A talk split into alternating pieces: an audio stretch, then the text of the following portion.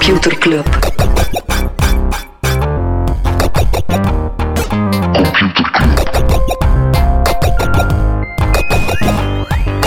Computer Club. Hey Smolly, Hey Freddy, welkom, welkom terug. welkom. Welkom bij Computer Club, een wekelijkse podcast over technologie.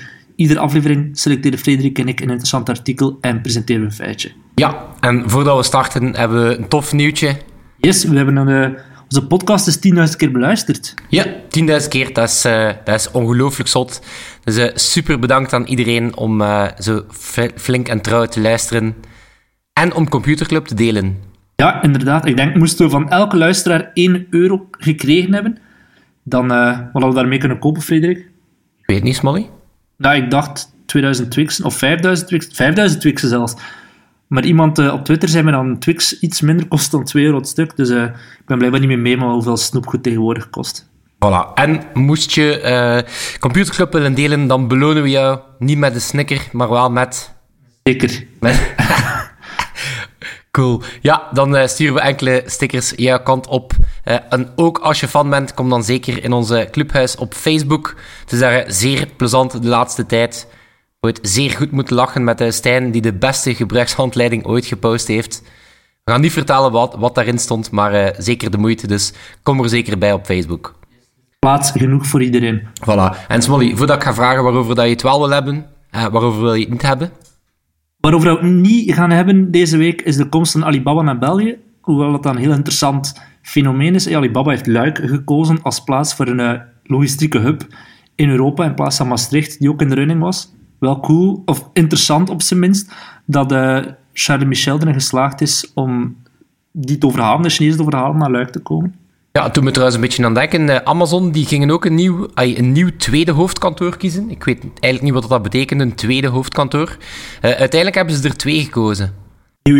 een ze. New York? En Virginia. En toen mij zo'n beetje denken, ze hadden zo een hele ja, The Bachelor-achtige wedstrijd uitgeschreven. eh, waarbij dat steden zichzelf echt gewoon eh, aan de voeten van Amazon gooiden. En dan hebben ze op het einde gezegd, ah, we kiezen twee plekken. Dus op het einde van de, op het einde van The Bachelor dan zeggen van, ja nee, ik ga gewoon voor een triootje. Beetje hard to get spelen. Ja, inderdaad, een beetje hard to get spelen. Oké, Smolly, waarover wil je het wel hebben? Ik wil het hebben over Disney. Cool. Ja, iedereen denkt bij Disney meteen aan Mickey Mouse en Goofy en Donald Duck, noemen ze dat nog allemaal. Maar eigenlijk is Disney tegenwoordig veel meer dan dat. Iedereen weet dat Disney jarenlang heeft kunnen teren op de films van Walt Disney. Dat is niet altijd even goed gegaan. In de jaren 70 en 80 ging het zelfs heel slecht.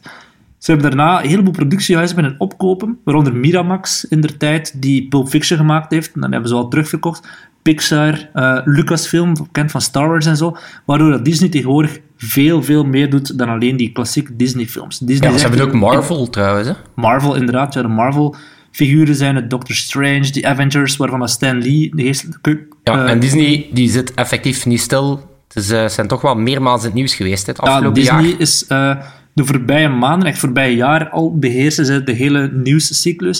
Ze hebben twee grote aankondigingen gedaan, waarvan de eerste is dat ze 21st Century Fox, of toch een groot deel daarvan, voor maar liefst 70 miljard dollar gaan opkopen. En wat zit daaronder? Dat is onder andere Simpsons, de, de films van eh, Avatar, die blauwe grote smurfen, die komen terug. Dus altijd al de eh, idee geweest dat er vier films zouden komen. De eerste film is een jaar of tien geleden verschenen, maar de komende jaren komen de drie andere eraan.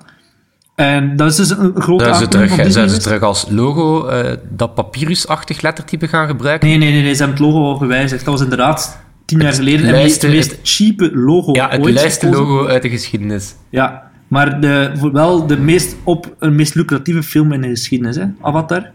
Maar dus één grote aankondiging, ze gaan die, die film wat opkopen. Twee grote aankondigingen, ze trekken zich grotendeels terug uit Netflix om hun eigen streamingdiensten te gaan lanceren. En dat is echt wel een heel opmerkelijke zet. Dat zo'n eh, content creator, zullen we hem dan noemen, dat hij dan plots zelf distributeur gaat worden. Ja, maar het is, eh, het is symbolisch voor het, eh, ja, de stoelendans die er in het medialandschap aan het gebeuren is. Hè? Ja, als Want kijkt naar de beurs, zijn zowel Netflix als Disney ongeveer 150 miljard dollar waard. Dus op dat vlak zijn de twee aan elkaar gewaagd. Maar Netflix die blijven echt gigantisch veel verlies maken. Die geven heel veel geld uit om nieuwe series te produceren. hè. Vorig jaar, of nu op dit moment, hebben ze voor 2 miljard dollar aan eh, obligaties uitstaan. Dat is een soort lening dat ze vragen aan aandeelhouders van geef ons geld, zodat wij series en films kunnen financieren. Waardoor zij nu al meer dan 10 miljard dollar schulden hebben. Gewoon omdat in die strijd om de kijker gaat het echt om, om goede content, goede films. En daarin is Disney toch echt wel de meester op dit moment. Die hebben zoveel goede superhelden en andere personages waaraan mensen echt fan van zijn, dat het, uh, dat wel interessant kan worden als zij nu beslissen. Ja, maar het is, het is wat je inderdaad zegt, het is die strijd om de kijker. Uh, ik vind het een heel betekenisvolle evolutie, omdat uh, Disney zat ooit op Netflix. Mm die, die, die, hun content stond daarop. en toen, toen in der tijd was dat een heel logische beslissing. Ze hadden al die content, ze verkochten die toe, toch al aan allerhande tv-maatschappijen. Uh, of, of zenders. Mhm. Dus voor hen was het dan eigenlijk gewoon een extra kanaal om wat content te gaan verkopen. Uh, maar wat ze op dat moment nog niet te volle beseften, is dat ze eigenlijk een grootste concurrent aan het, aan het creëren waren, zijn de Netflix. En waar dat Netflix, ja, wat Netflix zo sterk maakt, is dat zij gewoon ja, de primaire klantrelatie gaan krijgen. Hè. Dat wordt gewoon de bestemming als je iets wilt bekijken. Mhm. En, en Netflix is in, in eerste instantie begonnen als een soort distributeur. Maar langzamerhand zijn die gewoon zelf ook rechtstreeks concurrent van Disney geworden door zelf nieuw materiaal te lanceren. Het vorige kwartaal hebben die zelf voor 676 uur aan nieuw materiaal gecreëerd. Ja, het zalige is dat ze ook super data gedreven doen. Hè. Die gaan echt gewoon gaan kijken uh, waar dat er in een bepaald land of taalgebied uh, extra nood aan is. Dan, dan maken ze dat gewoon. Ja, dat alsof dat de krantenwinkel plots zelf zou beslissen om ook een krant te gaan uh, publiceren. Dat gevoel heeft Disney een beetje gehad en je me zegt, wow, wow, als het zo zit, gaan we maar zelf voor krantenwinkels spelen. We gaan zelf een streamingplatform uh, lanceren. Ja, dus het is feit, maar daarmee dat, dat ik het ook zei, het is, het is echt een complete stoelendans, waarbij dat uh, contentproducenten inderdaad gewoon uh, zelf distributie gaan doen, zoals mhm. Disney met Disney+, Plus, hun streamingdienst. Anderzijds worden die, gaan die tv-zenders uh, ook meer en meer gewoon rechtstreeks naar de eindgebruiker met apps en eigen platformen. Ja. Uh, anderzijds, de distributeurs, denk aan Telenet bijvoorbeeld, die gaan zelf ook content gaan maken. Dus ik heb het gevoel dat iedereen een beetje uh, elkaar staak aan het overnemen ja, en heel veel van die andere projecten zijn echt kansloos, omdat die veel te klein zijn. Maar Disney die heeft echt die hebben een legacy. Hè. Die hebben, ik denk dat 10% van wat op Netflix staat, is van Disney. Ik zeg die hebben veel meer dan gewoon puur de, de Mickey Mouse figuurtjes en zo. Ja, Pixar, Marvel, Star Wars universum. Ja, absoluut. Via Fox, via Fox krijgen ze er nu ook, denk ik, National Geographic bij. Ja, dat is, een beetje, dat is een beetje onduidelijk. Hè? Dus hebben, enerzijds hebben ze, gaan ze drie streamingdiensten maar liefst hebben. Ze hebben ESPN+, Plus, die puur gefocust is. Dat is van de sportzender ESPN. Dat zal vooral American football en dat soort dingen. Die is al live. Daarnaast komt er Disney+, Plus, dus vooral de Disney. En daar komen onder andere twee Star Wars-series op en een uh, live-action remake van Lady and the Vagabond. En dan daarnaast, door die deal met Fox, krijgen ze 60% van Hulu in handen. En dat is een andere streamingdienst. En dat is heel vaag wat er daar precies mee, wat ze daarmee gaan doen. Ja, het ziet er echt naar uit dat ze twee, uh, ja, dat ze Netflix langs twee kanten gaan aanvallen. Hè. Mm De ene, want Disney Plus is niet zozeer, ay, het gaat Netflix pijn doen, denk ik, maar het is, het is een ander concept. Hè. Het draait heel sterk rond de Disney-merken. Dus het wordt echt wel gewoon die merken die heel sterk uitgespeeld worden. En zoals dat je net opzomde, het zijn er wel een pak. En dan anderzijds heb je Hulu, ja, wat meer klassieke Netflix-concurrent is. en daar zit denk ik ook NBC en Time Warner. National Geographic uh, op, onder andere. Maar ja. Uh, ja, is Disney niet te laat? Ondertussen hebben er 137 miljoen mensen een Netflix-abonnement. 1 op de 5 Vlamingen zou blijkbaar zelfs al toegang tot Netflix hebben. Is Disney nog op tijd om mee te stappen in de reis, of is het te laat? Ik denk niet dat die reis zo snel uh, geklonken is, hoor. Ik denk ook persoonlijk niet dat de uh, klassieke tv-zenders of de klassieke distributeurs, dat die, dat die zich echt zomaar laten uh, aan de kant zetten. Dus het wordt echt wel gewoon doorheen uh, een beetje doorheen geschud. Het enige waar dat ik voor vrees, is dat de, die mooie toekomst van televisie, dat dat terug zeer chaotisch gaat worden. Te veel versplintering. Ja, dus een van de dingen dat mensen nice vonden aan Netflix is, het is gewoon één supergebruiksvriendelijk platform. Je betaalt gewoon één, eenmaal uh, abonnementsgeld en je krijgt gewoon toegang tot super diverse content. Uh, nu dat daar ook ja, anderen uh, op de proppen komen, ja, ga je gewoon extra bundles moeten nemen of extra abonnementen moeten nemen. En nu, initieel is dat goed, want je kan die tenminste zelf samenstellen. En je kan zeggen van oké, ik wil Netflix met wat HBO bij en ik wil ook wat sport. Maar uiteindelijk kom je toch duurder uit dan, dan waarmee dat je vertrokken was. En dan denk ik, en die, die, die diensten bestaan al in de States, dat we eigenlijk terug partijen gaan krijgen die mm al die versplinterde diensten terug uh, onder één dak gaan brengen. En dan denk ik dat we eigenlijk terug bij af zijn. Zie jij zelf nog Disney Plus nemen? Of denk ik, ik heb genoeg met Netflix? Ik heb denk ik. Ik heb zelf nog geen, ik heb nog geen kinderen of zo. Dus dat is iets dat volgens mij Disney Plus wel uh, des te interessanter maakt. Hm? Um, ik zit op dit moment ben ik wel tevreden met Netflix. Dat geeft mij zo twee keer per maand een goede serie. Ja. Um, maar bon, het is wel een, een, een gigantische strijd. Um, omdat we hebben het nu gehad inderdaad over Netflix, Disney, uh, de klassieke zenders, uh, Telenet bijvoorbeeld. Maar anderzijds heb je bijvoorbeeld Facebook, die met Facebook Watch ook eigen content gaat maken. Amazon, die met Amazon Prime Video eigenlijk een soort kers op de taart creëert om Amazon Prime te nemen.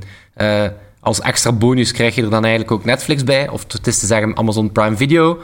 Um, dus ja, er zijn gewoon massas partijen uh, op het toneel.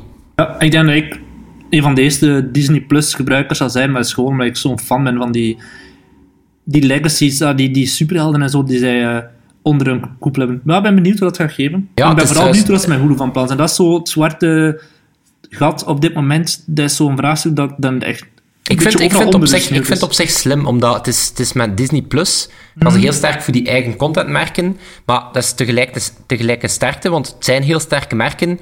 Maar tegelijkertijd ja, kan je de vraag stellen van... Gaan ze ooit van die adult content ook op Disney Plus gaan brengen? Ja, de Simpsons en zo. Ja, voilà. Kan je, um, kan je een, een spreekwoordelijk tietje uh, naast, naast een superschattig uh, Pixar-personage gaan zetten... Uh, en op dat vlak is Hulu ja, een iets um, eigen tijdsere, ja. neutralere, neutraler platform waar alles een beetje kan, waar alles een beetje samenkomt. Uh, ook niet onderschatten dat Hulu het zeer goed doet bij een jong doelpubliek. Mm. Wat ook wel een enorme sterkte is, want dat is wel een publiek en jong je... bedoel je twintigers of zo? Ja, inderdaad. Okay. Dus dat is wel een publiek dat je, dat je zeker wilt bereiken. Dus Bo, benieuwd, benieuwd waar het heen gaat. Ja, maar, er is een Belgische landingspagina om op de hoogte te blijven van Disney Plus, zag.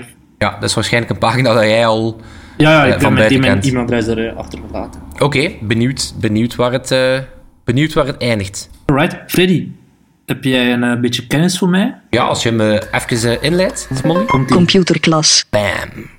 Oké, okay, Smolly, het ga, ik ga hier een bizar, een bizar brugje maken in een tech-podcast, maar volg even mee, hè.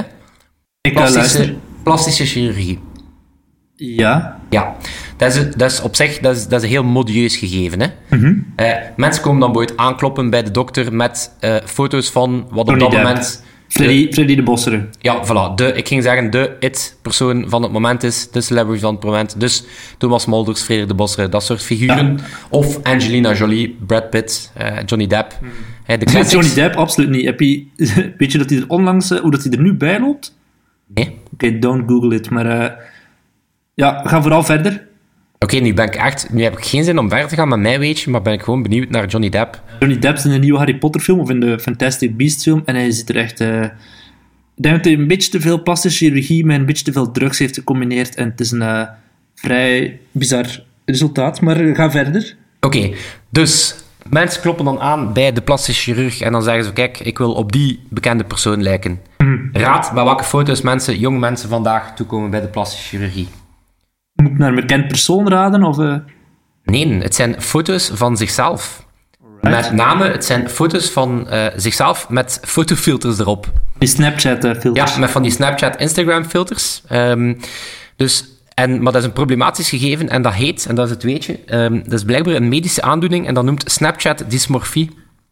Mensen, ay, men, jonge mensen zitten zodanig gefixeerd op hun eigen uh, uiterlijk met die fotofilters. En die filters zijn dan zeer goed in het wegnemen van uh, normale imperfecties. Ja, uh, dus je wil van die gigantische hertenogen hebben en zo. Voilà, voilà. Dat is trouwens een tweede weetje. Ik heb uh, ontdekt dat na de duckface, dat heet blijkbaar een deerface. Dat is inderdaad wanneer dat je van die grote glazen Bambi-ogen hebt. Cute. Dat is een deerface.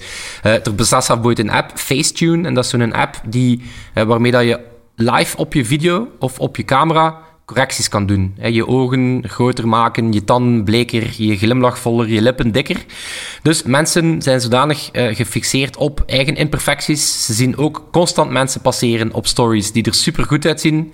Uh, vandaar dat ze gewoon aankloppen bij de chirurg om uh, ja, meer op een fotofilter te lijken. Welke filter zou jij willen lijken?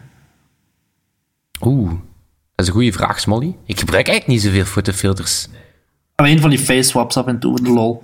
Face swaps, dat is echt... Dat was, dat is twee, twee maanden, aan twee maanden was dat het ding. Mm -hmm. En dan is dat compleet verdwenen. Terecht. Ja. Maar bon, ik vind het altijd ook zo grappig van die mensen die dan op, uh, op Tinder bijvoorbeeld zo'n gefilterde foto van zichzelf zetten. Uh, Tinder is een dating app. We hebben het erover gehad in een eerdere aflevering, uh, Smally. Hey, maar dan denk ik van ja, alleen de waarheid komt toch uit. Hè. Maar bon, Snapchat, Snapchat dan, dan zit je in het restaurant en dan is het blijkbaar toch geen hertje waarmee dat aan tijd was. Voilà, maar ook Snapchat dysmorfie. Ik kan mij niet inbeelden dat Snapchat dat super plezant vindt dat ze... Uh, daarmee geassocieerd worden. Dat ze daarmee geassocieerd worden. Inderdaad. Freddy, voilà. heb je nog iets anders gedaan behalve met filters gespeeld?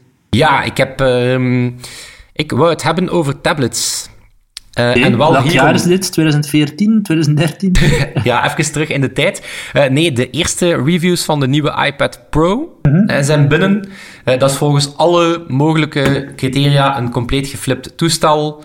Um, het is op, elk, op elk, elke dimensie supersnel beter. Ik denk dat hij ongeveer duizend keer beter is dan de eerste iPad. Hij is sneller dan 90% van alle laptops. Dus statistieken, Apple heeft ze. Maar tegelijkertijd is de smartphoneverkoop al 16 kwartaal... Tabletverkoop. De tabletverkoop inderdaad al 16 kwartalen op rij aan het dalen. En dat is eigenlijk tristig, want dat is ongeveer de helft van de tijd dat tablets al bestaan. Ook logisch, hè? Mensen kopen één iPad en die houden ze dan redelijk lang bij. En als die te traag gaat, geven ze die aan hun kinderen. Um, maar het is niet dat ze, zoals bij een telefoon, dat er elke 1, 2 jaar een nieuwe moet gekocht worden. Ze ja, gebruiken voilà, veel minder. Dus, ja, dus ik was eigenlijk, ik was eigenlijk gewoon eens, eens gaan uitpluizen van wat is nu eigenlijk het probleem met tablets? Mm -hmm. uh, of is te zeggen, eh, welke toekomst wacht er nog uh, voor, die voor die tablets of voor die iPads? Ja. Want ook een klein weetje, um, 60% van de Vlamingen heeft een tablet en meer dan de helft daarvan is een iPad. Ja, dus eigenlijk ongeveer op drie ja, heeft een iPad. Als je kijkt, vergelijken met, met computers of in de telefoonmarkten, uh, daar is Apple echt los de duurste, maar in een iPad of in de tabletmarkt is een iPad niet eens zo heel duur. Ja, dat zijn al interessante instapmodellen. En nu, dat valt ja. niet te zeggen van die iPad Pro. Ik denk dat je daarvoor al snel, wanneer je er wat accessoires bij neemt, al snel op 1500 euro komt. Ja, maar dat is voor categorie sowieso. Voilà. Maar dus, wat zijn de problemen van die iPad uh, of die tablet? Eén is wat je inderdaad zei... Uh, ja, voor heel veel mensen werkt die, werkt die bestaande tablet gewoon nog goed genoeg. Dat is zo het ideaal toestel om in de zetel wat te streamen, te swipen, te shoppen. Um, het is zeker ook niet je eerste of je belangrijkste toestel. Dus ja, er is weinig reden om die regelmatig te upgraden. Dus dat is er één. Maar ik denk vooral de grootste, en daar is die, die iPad Pro het perfecte symbool, symbool van. Ja, tablet zit een beetje met een identiteitscrisis. Mm -hmm. Namelijk, is het nu een persoonlijk device? Is het een professioneel device? En ook binnen dat professioneel gebruik, ja, komt dat gewoon niet toe. Ik denk en dat... de pubers van de technologische apparaten, hè? Ja, voilà, die zijn uh, bike, bike curious. Ja. Bike curious. Ja, nee, het was Tim Cook. Die, hij zei het, en het is, het is, pas op, het is weer poëzie van, de, van, van, van Apple-niveau, van de bovenste plank. Die zei, het is a magical piece of glass that can be anything you need it to be. Maar net daardoor, hè, dus het wordt een beetje neergezet als het beste van alle werelden, uh, maar eigenlijk komt dat niet toe. Omdat die als professioneel device bijvoorbeeld, Um, dat is een van de categorieën waar dat tablets wel nog goed verkopen. Bijvoorbeeld die Surface-tabletten of de iPad Pro, die doet het wel goed. Meeting kan... notes en zo en dat soort uh, presentaties. Ja, maar het kan net niet genoeg. Waardoor dat je af en toe toch nog die laptop nodig hebt. Dus ja, waarom zou je het dan niet in de eerste plek gewoon op je laptop doen? Heb je die opvalbare smartphone gezien? Ja, als dat niet de gimmick van het jaar is. Ja, maar ik denk nu net een tablet die je kan op dichtklappen en dan wordt een smartphone. Ja, waar dat ik dan eerder in geloof, is zo die visie... Bijvoorbeeld, stel je voor dat je een Nintendo Switch-achtige aanpak hebt, waar dat je je uh, tablet... Ja. Als je die gewoon loskoppelt, dan ja, is het gewoon je tablet. Uh, maar op het moment dat je die boot aan een scherm hangt, dan, uh, ja, dan doet hij gewoon full-on computer dingen. Ja, dat is zoals die laptops die... Ja, met Surface eigenlijk, hè? Een tablet ja, met een toetsenbord. Het is eigenlijk daar waar dan Microsoft op dit moment op een juiste spoor zit. Want waar komt het eigenlijk op aan? En dat lees je dan ook in alle reviews. Um, is eh, de software is gewoon te beperkt. Want op dit moment is, hebben er nu USB-C-poorten opgestoken. Je kan er uh, uh, schermen aan hangen. je kan er ook zo inderdaad zo'n toetsenbord, hoesje opzetten enzovoort. Maar die software, ja, het is gewoon iOS. En dat is, ja, je kan ervan zeggen wat je wilt. Het is heel gebruiksvriendelijk en gestroomlijnd. Maar het is, het is geen macOS. Ja, nee, het is een beetje een speelgoedbesturingssysteem. Uh, mm um, dus ofwel moet je alle trucjes van de voor kennen om toch maar uh, dat als power user te kunnen gebruiken. Maar laat ons eerlijk zijn, tegen dan zit je al lang terug aan je laptop. Ja, en dan hebben Wat ze er moet Apple ook... doen om het weer goed te krijgen, volgens jou? Ik, ik, ik ben heel... Ik denk dat ze zelf op dit moment eh, niet, goed, niet goed weten wat hun strategie is van de iPads en of hun MacBook line-up. Omdat de prijszetting is compleet funky. MacBooks, iPads, eh, het is heel onduidelijk van, van wat dat nu eh, het toestel is voor, voor wat te doen. Dus ik denk dat ze ergens bang zijn om die MacBook line-up pijn te doen. Of ze zijn bang om die MacBooks eh, meer tablet te maken en daardoor de iPad-verkoop pijn te doen. Want oké, het daalt enzovoort, maar dat blijft wel nog altijd een grote bomomzet eh, voor Tim en zijn vrienden. Maar ik zou gewoon denken dat ze eens moeten nadenken, zowel hardware als softwarematig, van wat is nu eigenlijk onze visie op, en laten we dan, laten we dan een kat een kat noemen, wat is onze visie op eh, werken op je PC of Ja. werken op je laptop? Eh, en dat, dat is iets wat Microsoft wel beter doet, eh, omdat bijvoorbeeld Windows 10, eh, heb ik mij laten vertellen, kan wel vlot overschakelen tussen desktop en mobile UI. Huiswerk voor Tim en zijn vriendjes. Voilà, maar die hadden het natuurlijk eh, danig, danig verkloot met Windows 8. eh, dat heel sterk, ken je dan nog, die Metro UI? Ja, Met al die, eh, al die mozaïeken. Ja, Dus die was zo slecht dat ze denk ik dan... werkte dat wel. Ja, maar op computers niet. Nee, Dus dan denk ik dat ze gewoon de tegenreactie gedacht hebben, oké, eh, misschien moeten we net iets meer desktop UI naar tablets gaan brengen. Mooie toestanden trouwens, die Surface. Ja, super. Ik weet nog die eerste reclame dat ik daarvan zag, dat is echt... Ja. Toen wist ik, Microsoft, die, gaat weer iets, eh, die zitten weer op het juiste pad. Ja, Microsoft zit algemeen wel op, een op een coole vibe. Ja, die zijn volop voor de software en de cloud en dat soort... eh Ja, die hebben zichzelf aan. echt als een productiviteitsbedrijf neergezet. En dat is ook het ding. Die iPad, zeker die iPad Pro, wordt zo neergezet als het productivity device.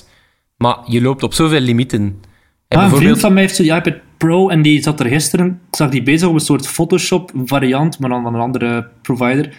En dat, dat marcheerde wel echt goed en dat is krachtige software. Wel, Dus maar nu heb je bijvoorbeeld... eh, eh, Creative Cloud komt ook naar iPad. Mhm. Als deel van je abonnement. Hè, als deel van je Photoshop of andere tools abonnement. Maar bijvoorbeeld, je kan nu eh, via USB-C ook een, een harde schijf of een, een, een, een camera aansluiten. Maar je kan niet rechtstreeks je bestanden importeren in Lightroom. Hè, het programma denk- om je foto's te- Je moet dat doen via de, foto, via de filmrol-applicatie. Dus ze dwingen je eigenlijk gewoon om ja, onnodige, onnodige dingen te doen. Ik wil de eerste gast nog zien die in Adobe Premiere een video kan monteren op een iPad. Want mijn MacBook Pro die begint al bijna op te, op te stijgen als ik dat... eh, Ja, maar bijvoorbeeld die iPad Pro, die heeft wel echt een, een supergoeie processor. Die A12X, dat is blijkbaar echt een beest. Dus hij ziet er, hij ziet er ook supergoed uit. Is zo wat het design, de designlijn van de iPhone 5. Zo industrieel design, ik vind dat wel echt eh, super sexy. Maar bon, ik ga hem niet kopen, want de kans is groot. Ik heb ooit een iPad gekocht. En ja, ik, mijn, dus hier is mijn these. Mijn these is, als je een beetje een goede, snelle, eh, grote smartphone hebt en je hebt een eh, redelijk goede, eh, compacte laptop, dan is de tablet gewoon het onnodige toestel daartussen. Perfect. En op die noot denk ik dat we kunnen afsluiten. Ja, maar dat is ook het, dat is ook het ding. Hè. Misschien zijn tablets gewoon een tijdelijk gegeven. Het was gewoon duidelijk, mensen wouden grotere schermen op hun smartphones. Die hebben ze. Bijvoorbeeld de iPhone XS Max Pro 2018 Extended Big Pimp Edition. Die is slechts 4 centimeter kleiner dan een iPad mini. Dus voilà, hè, dus het worden gewoon smartphones. En anderzijds, laptops die veel lichter zijn geworden. en anderzijds heb je gewoon laptops die veel lichter zijn, vaak ook een touchscreen hebben, een betere batterij. Dus misschien waren tablets gewoon eh, nodig om allebei die andere categorieën gewoon even eh, nieuw leven in te blazen. We zullen zien dat het langst blijft bestaan. De Ja. tablets of computerclub. Oeh. Frederik, Ja. een, eh, een call to action. Een call to action, zo op het eind. Shit man, Zo we zijn waar- precies marketeers of zo.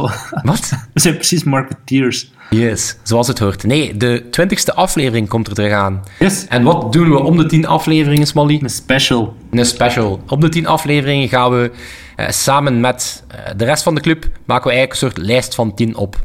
Hè, de eerste keer hebben we dat gedaan over de belangrijkste websites ooit. En wat gaan we nu doen, Smolly? De 10 meest nutteloze tech gadgets uit onze jeugd. Ja, nutloos of belangrijk. Het mogen ook belangrijke zijn, maar dus 10 tech dingen. eh, gaan- Gadgets. eh, 10 Fysieke gadgets, objecten. Fysieke objecten. Fysieke tech objecten. Dus we gaan schaamteloos voor een nostalgietrip. Ja. Eh, dus we zijn niet op zoek naar van die slijmerige yo-yo dingen dat je tegen de ruit kon knallen. Dat was ook heel belangrijk in mijn jeugd, maar dat is het niet. We gaan op zoek naar ja, de Tamagotchi dat je elke dag moest aaien. Of Dat is een mooie... Furby. Wat? Dat is een Furby. Ah, virtueel moest aaien dan. Ja. Of inbreken in het, eh, in het videolokaal op school om tijdens de pauze Mario Kart te spelen op Nintendo 64. Wa- Welke school heeft een Nintendo 64 staan? Wat, die hadden wij mee. Ah, oké. we hadden gewoon nog een videolokaal nodig. Dat is ook Echt, gezellig? Het, het videolokaal. Alright. Dat is het me- multime- de multimedia-klas. Ja, er stonden zo kasten in de, in de gang op wieltjes waar er een tv op gestopt zat. Yes, oké. Smolly, wat moeten mensen doen om, eh, om hun suggesties te doen? Ja, ik zou zeggen, we gaan die niet in de groep droppen, want dan is de, de lol voor de rest er een beetje af. Ik stel voor dat jullie een privébericht sturen. Mijn DM's staan open, dus de slide erin. Stuur een privébericht naar Freddy. Smolly, even. Mijn DM's staan open. Ja, dat is toch lachen. Ja, je ziet eruit als een soort crossover tussen een eh goeroe en een hoer. Zo. Ja, ja oké. ik ben eh, de Gary Vaynerchuk en mezelf wordt wakker. Ehm, ja, Voilà. Mijn, DM's, mijn. DM's staan ook super open trouwens. Eh. DM's staan open voor alles en iedereen. Alright, dan moeten we gewoon nog eh, onze amigo Sebastiaan bedanken. Bastiaan. En dan eh, ja, horen we jullie volgende week. Tot volgende week. Tot dan. Computer Club.